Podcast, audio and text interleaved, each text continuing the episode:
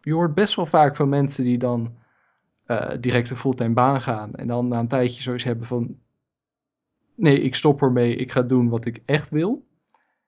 En ik dacht, nou, dat, die stap sla ik gewoon over. Ik ga gewoon direct naar hetgeen wat ik graag wil en wat ik leuk vind om te doen. En waar mijn passie ligt. En dan kijken hoe ver ik kom. En nou, daar, daar, daar ben ik nu mee bezig. Welkom bij aflevering nummer 25 van Ondernemerspassie. De podcast waarbij ik iedere week praat met inspirerende ondernemers. Dit keer praat ik met Erwin Vogelaar. Hij is eigenaar van Textbird, schrijver, auteur en host van maar liefst twee podcasts. De Nederlandstalige podcast Game Bites en de Engelstalige podcast The Life We Play. Over de impact van videogames op ons leven. Erwin is geen volger, hij creëert zijn eigen markt. Hij is expert op het gebied van games en religie. Meer weten ga naar www.ondernemerspassie.nl Oké, we gaan van start. Hey, welkom uh, Erwin. Dankjewel. Als ik uh, kijk naar wat je allemaal gedaan hebt, dan ben ik ook zwaar onder de indruk. Je bent al een, uh, een podcaster vanaf 2010. Nou, ik ben nu vooral bezig met uh, freelance schrijven, schrijfwerk, voornamelijk journalistieke artikelen. Hou ik me grotendeels bezig met videogames. daarnaast ook een beetje tech, technology, een beetje de gadgets, gadgetshoek. En ik probeer, dat is het ding waar ik het meest uh, plezier in heb, het grootste passie voor heb, is om uh, games en ook wel andere populaire cultuur, dus series als films, te combineren met religie. En kijken van, hé, hey, wat zit er nou in die, in, die, in, die, in die games, in die series? Wat is er terug te vinden over religie en wat valt daarover te zeggen? En daar hoop ik um, later ook veel meer nog mee te doen. Maar het is een beginnetje nu. Ja, ik, ik zie het op je website uh, www.erwinvogelaar.com. Ja. Uh, je hebt ook een, um, uh, kijk, wat staat er? Master Degree in Religious Science. En daar zeg je het ook op, hè? Je fascinatie, ja. religie en videogames. En je scriptie staat er ook op. Of is het je thesis? Mijn master thesis, ja. Heb ik... Master thesis, inderdaad. heb ik voor World of Warcraft. Ben ik World of Warcraft ingedoken. En heb ik onderzocht hoe spelers daar religieuze rituelen houden. En dat is super interessant. Vertel, waar komt dit allemaal vandaan, die fascinatie met religie? Uh, de fascinatie met religie, deels omdat ik zelf religieus ben opgevoed en daardoor er als veel mee te maken heb gekregen. Um, en dat ik het zelf heel interessant vind om na te denken van wat is voor mij belangrijk qua religie. En dat is ook een soort lopende zoektocht. Um, en daarnaast is religie iets wat voor mensen, heel veel mensen super belangrijk is voor wie ze zijn, wat ze doen en, en hun kan bewegen in, in het leven. En dat maakt het voor mij een heel interessant onderwerp om me bezig te houden. Oké, dan de, combinatie met videogames. Ja, dat is niet direct duidelijk voor, voor heel veel mensen, denk ik. Um, de videogames. Ik vind videogames een van de interessantste vormen van media die er zijn. Uh, ik hou vooral heel erg van verhaalvertelling. En voor mij is de videogame de interessantste manier waarin. Uh, interessantste medium waarin verhalen verteld worden. Uh, maar het is ook een plek waarin spelers. Um, zeker in grote online werelden in videogames, waar ze een soort tweede leven leiden. Of um, eigenlijk een, een personage spelen. En in die wereld niet alleen die games spelen, maar ook heel sociaal met elkaar bezig zijn. En daarbij hoort ook religie. En daarom ben ik, heb ik toen voor World of Warcraft gekozen. Dat is eigenlijk de grootste online wereld tussen de videogames. Uh, om daar te kijken, nou, wat, wat gebeurt daar dan precies? En, en hoe, hoe ziet dat eruit? En wat gebeurt er? En dus zo ben ik daarbij uh, bijgekomen. Voor de mensen die het uh, niet weten, wat is uh, World of Warcraft? World of Warcraft is een massive multiplayer online role-playing game. Dat is een hele mond vol, maar dat betekent zoveel als dat het een grote wereld is waar duizenden spelers tegelijk uh, in zitten. Eigenlijk miljoenen spelers, maar dat kan technisch niet. Dus al die werelden zitten, kopieën van dezelfde wereld zijn er. En zitten er duizenden spelers per wereld. En daar creëren ze een personage en dan gaan ze monsters vechten, ze gaan uh, met andere mensen uh, spelen, uh, de wereld intrekken om te ontdekken en, en quests te voldoen, dus missies te volbrengen. En, ehm, maar er wordt ook heel erg, dat heet dan roleplaying. En dan gaan ze zo erg in op de personage dat ze hebben gemaakt. Ze verzinnen ze een hele achtergrond bij en dat gaan ze dan als het ware spelen. En bij dat roleplaying kan ook religie horen, want de personage dat ze gecreëerd hebben kan religieus zijn. Dus dan gaan ze bijvoorbeeld um, hun personage die gaat dan regelmatig naar de grootste kerk in het land om daar onder het altaar te knielen en een gebed te houden. En dat typen ze dan ook echt uit en dan kun je zien, als je erbij staat, dan kun je zien wat ze typen. En dan lopen ze weer weg. En ja, dat is raar voor een buitenstaander. Staander. Ik ben zelf, was voordat ik begon met uh, thesis, was ik niet bekend met World of Warcraft. Dus dan sta je er ook bij van, wat, wat gebeurt hier nou? Waarom doen ze dit? dit? En uh, dan kom je er steeds meer achter, nou dat is dus inderdaad dat spel dat ze spelen. Maar het is ook een wereld um, waar mensen zijn buiten het spel om. Uh, dus gewoon sociaal. Dat echt elk personage is een mens. Dus eigenlijk hebben ze gewoon gesprekken met andere mensen en beleven ze de wereld ja. met die mensen. En dan kan het ook gebeuren dat een van die spelers in de echte wereld overlijdt. En dan blijven zij verliezen die mensen in de game verliezen ook hun vriend. En dan gebeurt het bijvoorbeeld dat een religieus ritueel gehouden wordt. Er wordt een herdenking gehouden, een soort begrafenis. Waarin niet alleen die speler wordt herdacht, maar ook het personage. En dat is, uh, dat is een bijzondere, bijzondere gebeurtenissen zijn dat. Ja, je, je gaf dus aan dat je dit spel, uh, nou, ik neem aan dat je het spel wel kende. Ja. Maar dat je het niet speelde. Nee. Uh, ben je nu wel een hardcore uh, War, World of Warcraft gamer geworden? Nee, ik vind het helemaal niet leuk. nee, dat is een beetje... Oh. Heel, veel, heel veel mensen denken nu inderdaad ja. van... Oh ja, dat is... Dat, kom je nooit meer weg daar. Maar ik, ja. ja. nee, het is totaal niet mijn ding. Uh, Waarom niet? Ja, het is zo'n... Het is heel erg gericht op van de hele suffe missies doen. En ja, dat trekt me totaal niet. Maar het is daardoor wel extra interessant om weer een soort antropologische uh, invalshoek te hebben. Want u bent echt als buitenstaander in die wereld. Het is niet iets van, ja, hier hoor ik bij en dan ga ik ook nog eens onderzoeken. Ik ben echt van buitenaf. Ik stap erin. Ik neem deel. En daardoor onderzoek ik wat er gebeurt. Ja, die, die hele, dat World of Warcraft, dat hele online gamen, dat is een, uh, hoe zie jij dat voor de, voor de toekomst? Want ik vind het wel interessant, want je hebt nu ook uh, bijvoorbeeld, nou, het is al een tijdje uit, Second Life. Mm -hmm. Mensen die leven gewoon ook echt in die werelden. Dat, en ja, ja dat... heel bijzonder. Er gaat gewoon ook geld in om. Hè? De, ik heb bijvoorbeeld een verhaal van een, uh, van een vriend van mij. Die, heeft, uh, die vertelde dat er, uh, je kan bijvoorbeeld zelf werelden bouwen in Second Life. En dan zijn er mensen uit, ja, ik noem wat India, die spelen daar ook echt voor taxichauffeur. En je kan daar betalen met dollars. En zo verdienen ze gewoon hun geld. Ja. Ongelooflijk. Ik kan het zo gek niet bedenken. Maar dat zal alleen maar meer worden als we straks virtual reality, dat wordt helemaal een ding. Dat je dus ja. zo'n bril opzet en dan zit je echt letterlijk bij, nou niet letterlijk natuurlijk, maar voor je gevoel zit je echt zelf in die virtuele wereld. En ja, dan is het nog moeilijker om eruit te komen, lijkt mij, als je daar makkelijk uh, aan verkocht raakt, zeg maar. is ook een um, leuke aanrader, is een boek Ready Player One. Dat speelt er heel erg op in, dan in de toekomst, dat iedereen eigenlijk in die, in die spelwereld zit en altijd zo'n bril op heeft en... Uh, dat, ik denk niet dat het zover komt.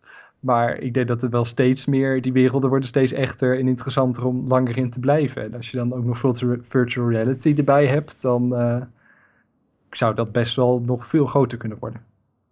Ja, en je bent, uh, je bent ook nog een podcast begonnen, die is, uh, daar ben je pas mee begonnen. De Live Replay. Ja. En dat is een, een in de Engelse taal. En het gaat eigenlijk over de, ja, de invloed van spellen uh, op het leven. Ja. Ik weet niet of ik het goed, goed, uh, goed zeg zo. Wat is daar de achterliggende gedachte van om die, die podcast zo te starten? Ja, nee, ik, heb, ik heb al vijf jaar een, een Nederlandstalige podcast gedaan. En dat doe ik met heel veel plezier met, met een paar andere kerels. Die, we hebben gewoon elke week uh, hebben heel veel fun daarmee. Maar ik wilde toch iets meer doen, um, meer in de stijl van... Ik, ik luister zelf best wel veel podcast. En, en de stijl die ik heel tof vind zijn mensen die persoonlijke verhalen vertellen. Dat is heel eerlijk en dat kan heel mooi zijn. En ik bouw daar zelf wat mee. En dan kom ik al snel op een van mijn grote passies, en dat is videogames. En dat miste ik heel erg in het aanbod wat er nu is eh, qua podcasts, maar ook als je kijkt naar artikelen bijvoorbeeld, echt het persoonlijke verhaal daarachter. Dus daarom uh, ben ik de Live Play gestart, om dan vanuit videogames de persoonlijke verhalen te achterhalen van hoe, hoe heeft games eigenlijk ons leven veranderd. En heel veel mensen hebben daar een verhaal uh, over. En dat is uh, heel, heel tof om te doen, heel tof om te maken. En hoe, ja, wat, wat, wat komt er nou uit? Ik heb net een klein stukje geluisterd. Ik vond het heel interessant. Het was een, even de naam kwijt, dus episode Loss. Het ging over verlies. Maar hij beschreef ook hoe hij het spel speelde en dat hij voor een meisje moest zorgen. Die moest hij beschermen.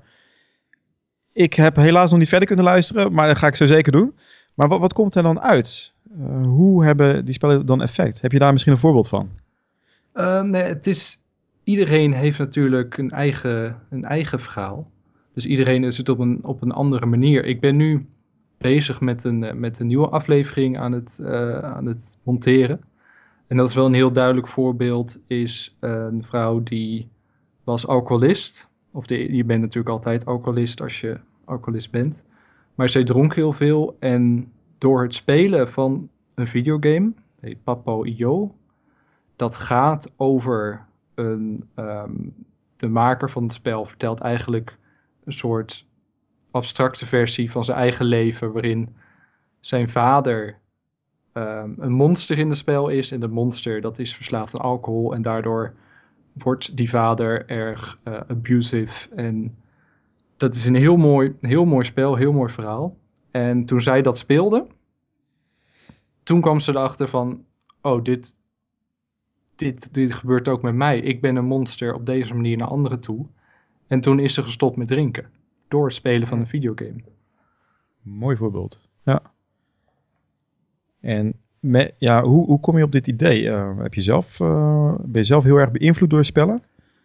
Ja, dat valt dus. Ik, ik probeer dan ook, maar dat tot nu toe is nog niet echt gelukt, ook wat meer van mezelf te laten zien in die podcast. Om zelf ook mijn uh, verhalen te delen. Maar ik vind het lastiger om punten aan te wijzen waarin uh, games mijn leven beïnvloed hebben. Ik vind games fantastisch. Ik speel er heel veel. Dus het is meer, denk ik, um, onbewust dat het uh, mij beïnvloedt. En het beïnvloedt mij natuurlijk op mijn creatieve manier. Dat ik nadenk over verhalen vertellen en dat soort dingen. Uh, maar een specifiek voorbeeld heb ik niet. Oké, okay, dus bij jou is meer uh, gewoon echt een deel van je leven, maar niet echt een, een, een, Ja, misschien heeft te maken met een bepaald. In dit, dit geval bijvoorbeeld een alcoholist. Ja, dat heeft nog wel impact. Ja, klopt. Ja. ja. Oké, en je, je schrijfwerk, hè? Je hebt Textbird. Um, schrijf je alleen maar over games? hoe, wat doe je met dat bedrijf? Um, nou, voornamelijk uh, journalistieke teksten en dat is grotendeels over games. Um, daarnaast ook wat technology dingen. voornamelijk grotere artikelen ben ik mee bezig. En um, hier en daar dus ook inderdaad de, de, waar games en religie elkaar tegenkomen. Maar het is nog vrij lastig om daar het juiste medium voor te vinden dat dat op een manier wil doen zoals ik het ook wil doen. Want de meeste media die daar geïnteresseerd zijn, zijn toch specifiek uh, religieuze media die horen bij een bepaalde religieuze stroming. Ja. En die hebben dan ook weer hun eigen ideeën over dat soort dingen. Dus dan ben je toch minder vrij in wat je schrijft. Ja. Um, dus daar moet ik nog een beetje meer plek vinden om die intersectie, dus de games en religie, of ook wat meer andere populaire me uh, cultuur, media, uh, om daar wat meer mee te kunnen doen. Oké, okay, dus je bent nog uh, een beetje op zoek om je eigen je plek te creëren. Ja, ja. Feiten. Ja. ja. heel mooi.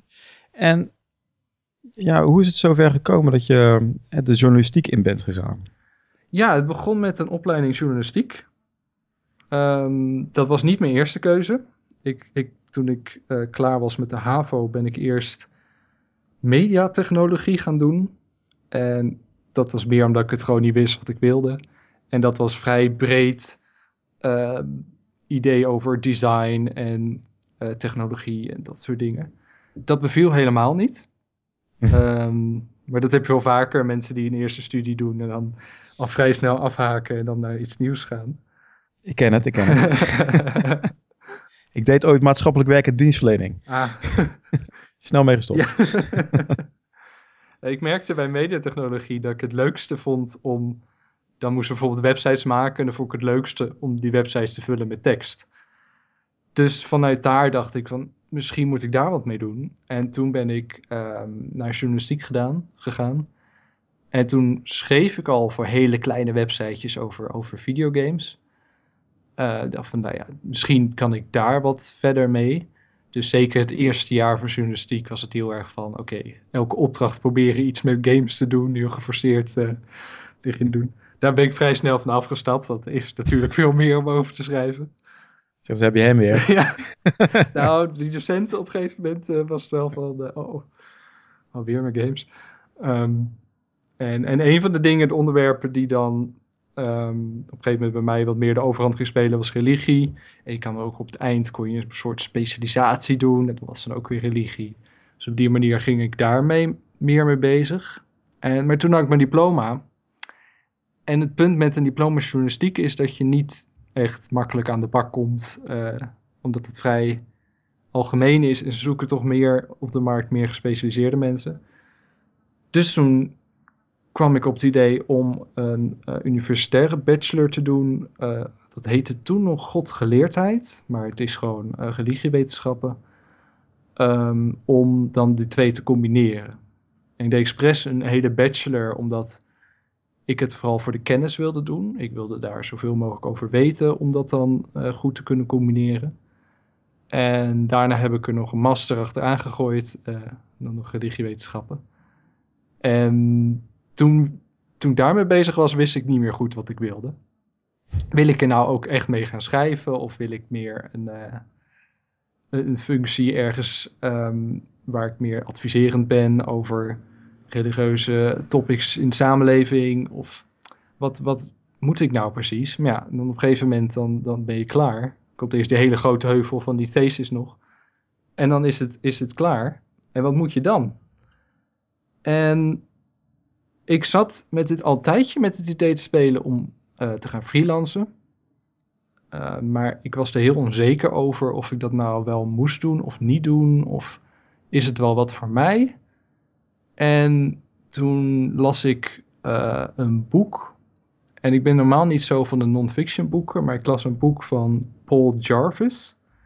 En dat is een vrij creatief freelance figuur die doet het zelf vooral met design, maar hij schrijft ook wel teksten, maar hij is meer een, designer. Um, die had zijn boek, dat heet Everything I Know. Het is een heel kort boekje, hij weet blijkbaar niet zoveel. Um, waarin hij, hij heeft zonder opsmuk opgeschreven, Everything I Know, van oké, dit doe ik. Uh, waarom doe ik dit? En hoe kan je dat ook doen? En ja, het is, ik werd heel enthousiast van dat boekje op een of andere manier. Hij, hij schreef echt van de, de, de kracht of de, hoe fijn het is om freelancer te zijn. En um, er was één zinnetje, dat heb ik als voorbereiding nog opgezocht. Um, toen dacht van oké, nu, nu heeft hij me te pakken. Hij schrijft van find the intersection where your interests meet and your skill. Nee, sorry. Find the intersection when your interests meet your skill and reach an audience that will pay for your time, work, products or services. Ja. En toen dacht ik van, ja, ik weet duidelijk waar mijn interesses liggen en waar mijn passie ligt. Uh, ik vind schrijven leuk, ik vind games leuk, ik vind religie uh, leuk. Of, nou ja, leuk, het is super interessant. Laat ik dat gewoon eens gaan proberen. Laat ik daar zelf als freelancer mijn werk van maken, van mijn passie kijken of ik er kom. Zo niet, dan kijk ik wel weer verder. Maar laat ik daar gewoon mee beginnen. Want ik, je hoort best wel vaak van mensen die dan uh, direct een fulltime baan gaan. En dan na een tijdje zoiets hebben van... Nee, ik stop ermee. Ik ga doen wat ik echt wil. En ik dacht, nou, dat, die stap sla ik gewoon over. Ik ga gewoon direct naar hetgeen wat ik graag wil. En wat ik leuk vind om te doen. En waar mijn passie ligt. En dan kijken hoe ver ik kom. En nou, daar, daar, daar ben ik nu mee bezig. En hoe komt het dat jij die stap zo hebt heb gezet? Inderdaad niet. Uh, ik kan me voorstellen dat mensen zeggen, ja, neem gewoon, neem gewoon een baan. En jij dacht, nee, ik ga gewoon voor mijn passie. Ja, nee, ik, ik heb gelukkig niemand uh, gehad die zoiets had van, nou, dat moet je niet doen. Dus dat is wel fijn. Dan heb je niet zo'n uh, stemmetje in je hoofd die zegt van... Moet het nou? Doe, doe, is dat nou wel verstandig? En, dus dat viel allemaal wel mee. Mensen waren wel... die, die vonden het wel een goed idee. Voor, voor, ja. Ik ben het gewoon gaan doen. Dat, ja, ik ben, ja. Maar dat kwam ook in aflevering 3 kwam dat naar boven. Met, met Jelle Derks. Ik had ook een quote met Seth Godin volgens mij van Create Your Own Show. Zoiets was het. Van, weet je, zoek niet tot je gekozen wordt, maar creëer zelf. Ja. Dat klinkt een beetje wat jij nu doet. En die Paul Jarvis, dat boek, um, hij is zelf eh, freelancer. Op welk gebied is hij freelancer? Uh, volgens mij is hij vooral bezig met het ontwerpen van websites. Ja, ja. En wat was nou zijn um, idee? Ik weet niet of je nog weet hoor, wat hij, wat hij geschreven had. Van waarom vond hij het zo fantastisch om een freelancer te ja, zijn? Ja, ik, ik, ik weet niet meer zo goed. Het is alweer even geleden. En ik heb het geluk dat ik... Um, ik lees veel boeken via de Kindle-app. En dan kun je dus uh, bepaalde zinnen kun je dan onderstrepen. En die kun je dan veel later kun je die weer terughalen. Dus daardoor heb ik dat zinnetje te pakken. Ik zou hem eigenlijk het boek weer eens opnieuw moeten lezen. Om te kijken van oké, okay, waar, waar begon het nou eigenlijk? En wat was zijn idee nou uh, precies? Nou, laat ik hem nou aan jou stellen. Wat is er zo leuk aan freelancer? Of aan freelancen? Um, voor mij is het heel fijn dat ik uh, puur kan richten op hetgeen wat ik zelf wil maken. Um, dat ik daarbij zelf mijn uren kan indelen, vind ik heel prettig. Um, en dat alleen ik verantwoordelijk ben voor, voor mijn slagen of falen.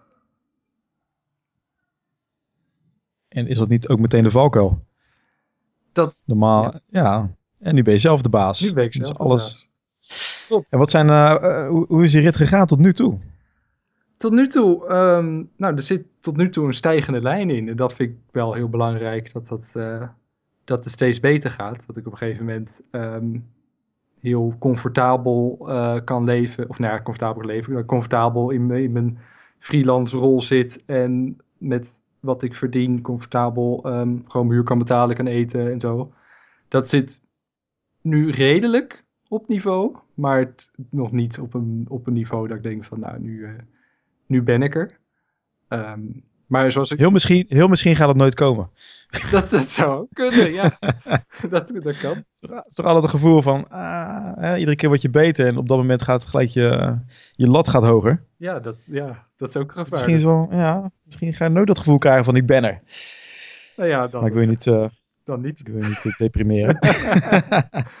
maar goed, en, en, hoe doe je dat dan als, uh, als freelancer? Hoe kom jij aan je opdrachten? Um, nou ja, zelf achteraan gaan voornamelijk. Ik heb, ik heb een paar, nee, ik één opdracht. Nee, eigenlijk nee. Ik ben allemaal zelf uh, wel achteraan gegaan. Er is wel bijvoorbeeld eentje die dan heeft dan een oproep ergens. En dan voel ik me niet helemaal bij passen, maar dan ga ik achteraan van oké, jullie vragen dit, maar ik kan dit bieden. Vinden jullie dat niet ook interessant voor jullie uh, tijdschrift bijvoorbeeld? En, en dat is dan zo gekomen. En voor de rest veel um, ja, achteraan gaan. Mensen, mensen aanhalen, contacten leggen, netwerken en, uh, en kijken of, of um, bepaalde kranten, tijdschriften of websites um, mijn producten willen kopen, mijn artikelen willen kopen. En is het ook internationaal? Want je website is in het Engels. Ja, dat was wel mijn idee om ook internationaal te kijken. Want zoals ik al zei, in Nederland is het vrij lastig uh, om bijvoorbeeld uh, die intersectie dus game, games en religie, om daar echt iets goeds mee te doen. Dus uh, internationaal wil ik ook zeker nog gaan kijken. Heb ik al voorzichtig geprobeerd. Ik heb één, artikel internationaal gepubliceerd. Ik heb voor de rest nog niet daar heel goed uh, mee bezig gegaan. Maar dat is nog zeker iets waar ik in de toekomst kansen zie liggen. En hebben die podcasts je geholpen? Um, nou ja, misschien met een soort naamsbekendheid. Um, ja. dat, dat als ik mijn naam laat horen, dat ze zoiets hebben van... Ja, dat zegt me wel iets. En dat, dat, dat herken ik wel. Dat heb ik al een paar keer gehad. dus in die zin helpt dat denk ik wel. Ja, misschien ook met, uh, met contacten leggen. Of uh, zijn de contacten met die, die podcasts dan eigenlijk niet georiënteerd op, op, op het werk wat je nu zoekt qua freelancer? Nee, ja, ik um, doe die podcast wel veel met collega's dan. Ook freelancers of die op een of andere manier over games schrijven.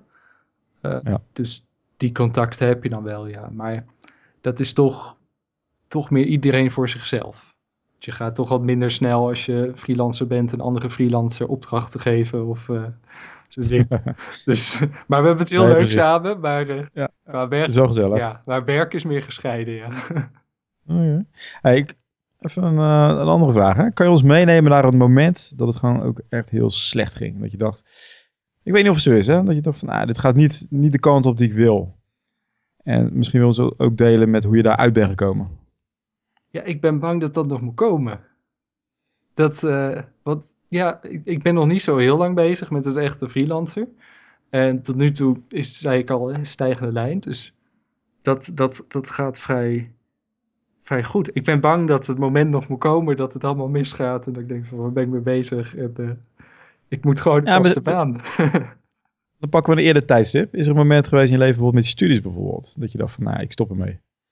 Ehm, nou ja, met die mislukte studie was het natuurlijk, eh, was ik vrij snel gestopt.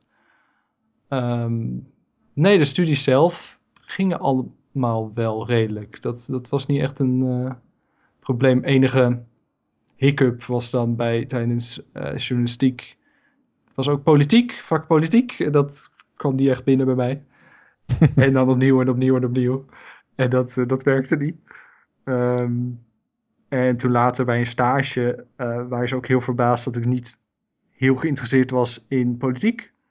Dat is inmiddels wel, wel iets, iets bijgetrokken. Maar ehm, toen, na die stage had ik ook wel zoiets van, ja maar, moet ik dan, is dit dan wel, wel iets voor mij, zeg maar, als ik inderdaad niet met die politiek bezig wil. Maar er is natuurlijk veel meer dan, dan dat om over te schrijven. Dan ben ik wel heel nieuwsgierig, want eh, is het nou zo dat er wel dingen gebeurd zijn waardoor iemand anders bijvoorbeeld in een dip zou kunnen raken, en dat jij gewoon heel stabiel bent en je daar makkelijk overheen kan zetten? Is dat het geval? Ehm, ik denk wel dat ik heel makkelijk, of makkelijk, ik denk dat ik goed met tegenslagen omga, ja. Dat, het, ehm, dat ik het niet nuttig vind om eh, bij de pakken neer te zitten of depressief over iets te worden, maar gewoon eh, accepteren dat er iets gebeurt of iets is en dan gewoon weer doorgaan. En hoe doe je dat? Ja, hoe, hoe doe je dat? Ja, het is. ehm, je, je hebt er zo weinig aan. Als je, als je, dit, het is zo zonde van je tijd en van je energie als je eh, depressief neer gaat zitten over iets wat niet lukt. Ja, oké, maar je hebt toch emoties? Ja, je hebt, ja dat klopt. Maar ik, ik, dit het kost me mij misschien een dag of een halve dag en dan, dan gewoon weer gaan. Ik weet niet hoe, hoe, of met wat voor middel, of eh, geen pillen. zou kunnen. Ehm, ja, nee, ik, ik zou er niet echt een tip over kunnen geven. Oké, dus je eigenlijk zo, eh, zo geboren. Nou ja, dat weet ik ook niet. Ik denk dat het gewoon zo gegroeid is. Oké, nou dat is een, eh, een heel positieve, positieve eigenschap. En waarschijnlijk als er dus een, een tegenslag is met eh Taxbird, dan eh, duurt het ook maar een dag en dan ga je gewoon verder. Ja, en misschien heb ik het ook al van mijn vader meegekregen. Dat zou ook best kunnen. Die was ook al vrij gewoon doorgaan en morgen weer een betere dag. Haha, Mooi. Leuk antwoord. Ja. Hey, kan je ons ook meenemen naar een moment, een aha-moment, eh, zo wil ik het noemen, waarbij je dacht van, hé, hey, nu weet ik wat ik wil gaan doen. Dit wordt het. Ja, ja, dat was echt dat boek dat ik net noemde. Die, dat, eh, dat, ik, ik wandel veel en ik was dat buiten aan het lezen. Mijn telefoon is niet heel handig, maar ik heb van die momenten. Ehm, en toen liep ik buiten met dat, met dat boek. Ik zat erheen te lezen. Van, en toen had ik echt, dat was echt zo'n moment van, ja, ik weet nu wat ik wil met mijn leven. en ik, ga- ik ga dit doen, ik wil dit doen. En eh, ik ben er heel enthousiast over. En eh, ja, dit, dit gaat hem worden. Ah, Wat, wat was nou de eerste stap wat je, die je hebt genomen om, het om dat ook echt te gaan doen? Oeh, de eerste stap. Ja. Ehm, Je hebt een idee, maar ja, dan de uitvoering nog. ja, ik denk dat ik eerst een website heb gemaakt. Dat, of nou, eerst een naam verzinnen, dat was nog het moeilijkst. Eh, een goede naam verzinnen. En dan ongeveer tegelijk een web, volgens mij ik eerst een website en toen naar de Kamer van Koophandel. Ehm, van oké, nu is het er. En nu aan de slag. Zo simpel kan het zijn. Ja. En toen gewoon gaan bellen, schrijven? Ja. Oké, gewoon die opdrachten binnenhalen. Ja. Kijk, dat is wel een, een leuk thema wat terugkomt in deze podcast. Gewoon doen. Ja, Heel veel mensen hebben een, ja, heel veel mensen hebben een angst om te beginnen of eindeloos uitzoeken. Daar ben ik zelf ook schuldig aan. Eh, heel veel gevaren zien. En ja, de mensen die het dan eenmaal gedaan hebben, die zeggen ook allemaal gewoon doen. ja als je het niet Komt- doet, dan... ja. eh, als je, als, ja, er kunnen gevaren zijn, maar als je niet doet, kom je die ook niet tegen. En dan kom je ook al de leuke dingen niet tegen. En eh, misschien kom je ook helemaal geen gevaren tegen. En dat weet je dan niet als je niet probeert. Kijk, mooi. ja, het kan wel zo simpel zijn. Ja. Eh, Erwin, is, zijn er bepaalde rituelen, eh, als we het over rituelen hebben, Hmm. World of Warcraft, waar je aan houdt, eh, waardoor jij je dag goed doorkomt of waardoor je meer voor elkaar krijgt? Ehm, ja, ik werk dus heel veel thuis. En ik heb mijn studie ook grotendeels in deeltijd gedaan. Waardoor ik ook gewoon heel veel thuis echt in de boeken moest duiken en veel moest studeren. En dan, zit je veel en dan zit je veel binnen. En wat ik al sinds, nou ik weet niet sinds hoe lang, maar al vele jaren doe, is elke dag bijna twee uur wandelen. En dat doe ik altijd in de middag. eh, ga, ik, ga ik naar buiten en gewoon bijna twee uur eh, lekker lopen. En dat is heel prettig, zowel voor, voor je lichaam, om gewoon lekker in beweging te zijn, en voor je hoofd, om het allemaal even, even leeg te maken, of juist dat je weer op goede ideeën komt. En eh, dat is voor mij wel een belangrijk punt in de dag. Gebruik je ook eh, to-do-listjes of Nee, ja, heel, heel. andere dingen? Ik, ik heb wel zo'n zo'n soort lijstje waar ik dingen zo nu dan eh, wat, wat notities neerzet. Dat heet dan Keep, dat is een app. En zo nu dan, als ik dan dat er iets opkomt dat ik niet wil vergeten, dan, dan schrijf ik dat daar even in op. Eh, maar voor de rest ben ik niet heel georganiseerd. Kijk, en nu is de hamvraag, is er dan totale chaos? Of komt het allemaal wel weer goed? Hij komt altijd En hoe komt dat? Hoe komt dat? Het komt altijd wel goed. Ik, ik leef altijd redelijk in chaos. Ehm, Aha. als ik nu ook zo op mijn bureau bekijk, dan is dat ook eh, redelijke chaos. Ehm, vroeger had ik altijd een verschrikkelijke rommelige kamer. Dat valt nu al mee. Het is vooral mijn bureau dat, eh, dat een rommeltje is. Ehm, en qua administratie is het ook een rotzooitje. Maar ik ben nog nooit tegen de lamp gelopen. Dus misschien gebeurt dat een keer dat ik wel echt even mijn zaakjes op orde moet zetten. Maar ik heb nog nooit een afspraak gemist. Of ik ben altijd op tijd met dingen. En dus ik heb een soort mentaal systeem, denk ik, dat goed werkt. En als ik, ik weet, als ik het dan niet weet, dan zet ik het wel ergens neer. Ergens in een e-mail draft of in die app dan, de, dan een. En dan komt het tot nu toe altijd wel goed. Oké, dus voor mensen die, ze, die al- met allerlei systemen komen, met eh, getting things done, alles mooi ordenen, alles in schema's zetten. Dat is totaal niet jouw ding. Nee, nee, klopt. Leuk is dat, ja. Nou, ik heb het dus wel, maar ik heb ook die chaos. Maar op een gegeven moment moet ik het toch even één keer opruimen. Een soort reset. ja, En dan langzaam stapelt het weer, eh, weer op. ja soms, soms is het even nodig om de bezem door te halen. En dan, Ja, toch het wel. ook wel lekker. const- ja, toch? Niet de constante chaos. Af en toe eventjes weer die reset button. Ja. Dat is ook leuk. eh, meerdere meerdere eh, gasten die ik heb gesproken, allemaal sporten. Hm. Wa- wandelen komt ook veel terug. Ja. Echt wel, ja, toch interessant dat het gewoon echt een onderdeel is. Ja. Ik heb nog een paar, eh, een paar korte vragen. De bliksemronde. oké. Je kwam er net al mee met het eh, programma. Een, eh, een programma wat je graag gebruikt. Nou, je kwam er net al op met ehm, Keep. Mhm. Wat is dat voor app? Ja, dat is heel simpel. Dat is gewoon ehm, een, een, kun je kleine notitietjes maken. En dat is het. Oké, zit er een of andere tag systeem op? Of een, Nee, allerlei andere functies? Of is het gewoon echt een notitieblok? het is puur een notitieblokje. Meer heb ik niet nodig. Dus alle, alle andere techniek, alle apps die je kunt downloaden, je gebruikt helemaal niets. nee, ik, ik doe dan al mijn eh, werk doe ik in, ehm, in Google Drive en Google Document, Documents. Ja. Ehm, dat vind ik heel fijn, dat ik werk dan tussen PC en mijn Chromebook. En ik heb mijn hele scriptie eh, daarin geschreven. Ik ben nu bezig met een eh, roman, ben ik in het schrijven. Dus dat, dat is eigenlijk het enige wat ik nodig heb om te schrijven. Oké, maar je bent ook van de tag. Ik, Hoe verklaar je dat je totaal geen gebruik maakt van al die mogelijkheden die er zijn? Ja, het, het, het is allemaal zo voor extra rompslomp. voor mijn gevoel. Maar allemaal weer allemaal dingetjes en allemaal moet je dat weer daar. Dat kost allemaal zoveel tijd en, uh, en zoveel extra energie om daar dat allemaal weer goed te ordenen en goed mee bezig te zijn. Ik, ik hou het vrij, ik hou het graag simpel en gewoon zo weinig mogelijk verschillende plekken. Is dit een schrijversding? dat weet ik niet, misschien. Ik, ik sprak uh, laatst Niels het Hoofd, ook een schrijver. Precies hetzelfde verhaal. Ook uh, alles apart houden, gewoon heel simpel houden. Ja. ja, misschien is dat wel een schrijversding dan. Ja, misschien. Nou, ik vind het ook wel interessant, want misschien is dat gewoon een geheim. Die ik ook kan gebruiken. En interessant, je bent bezig met een roman. Ja. Vertel. Nou ja, ik, um, je, het ding met freelancen is, je hebt soms heel druk. En soms heb je het een stuk minder druk. Uh, of je hebt gewoon niet zo heel veel te doen. En vanuit daar doe ik uh, dan hobbyprojecten die dan eventueel meer dingen kunnen worden. Dus een van is dan die podcast Live Replay. Dat is ook echt begonnen als, als hobbyproject. En ik wil er misschien nog een, een Patreon aan gaan hangen om daar toch ook uh, toch wat mee te kunnen verdienen ook.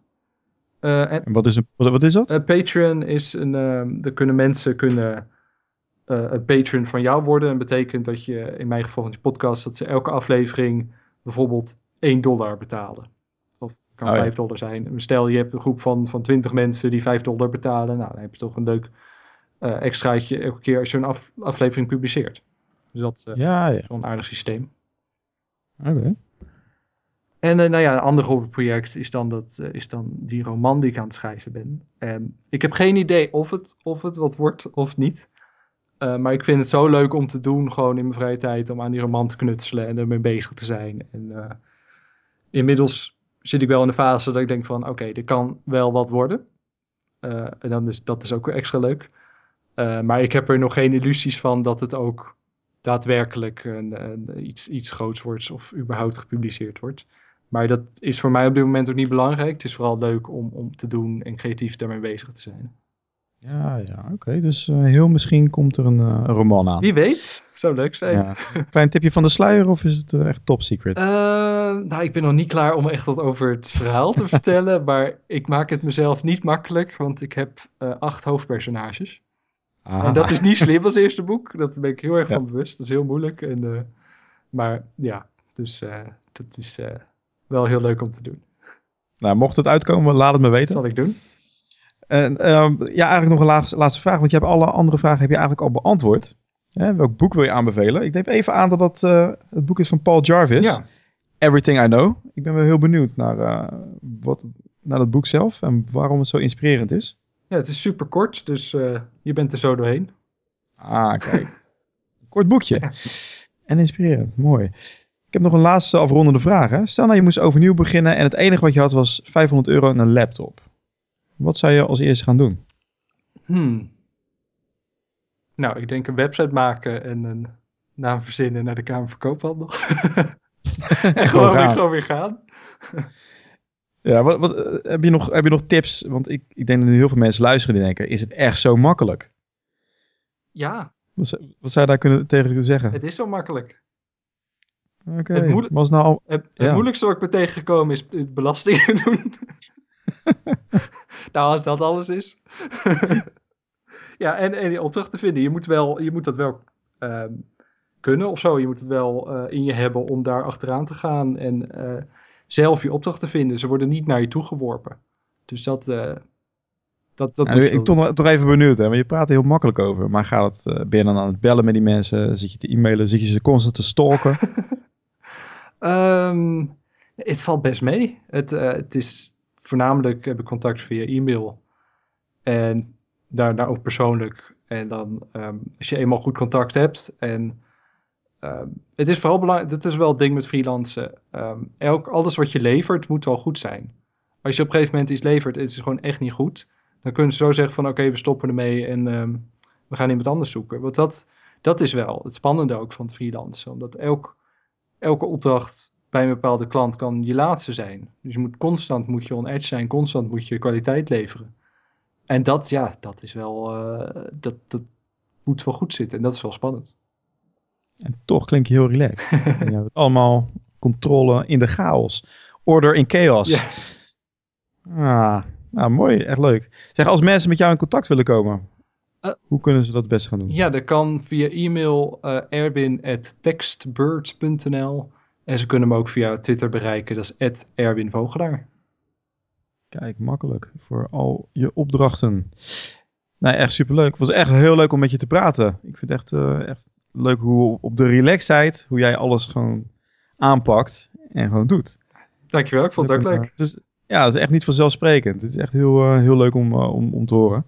En ook heel inspirerend. Dus ik ga je zeker volgen. Mocht het boek uitkomen, laat het me weten. Ga ik doen. Ga het slag. nou, geen enkele druk, hè? Geen druk. No pressure. Hey, bedankt Erwin. Jo, dankjewel. En dat was alweer het einde. Ga naar www.ondernemerspassie.nl slash gratis podcastlessen als je zelf ook een podcast wil maken. Ik hoop dat jullie er heel veel aan hebben gehad en tot de volgende keer.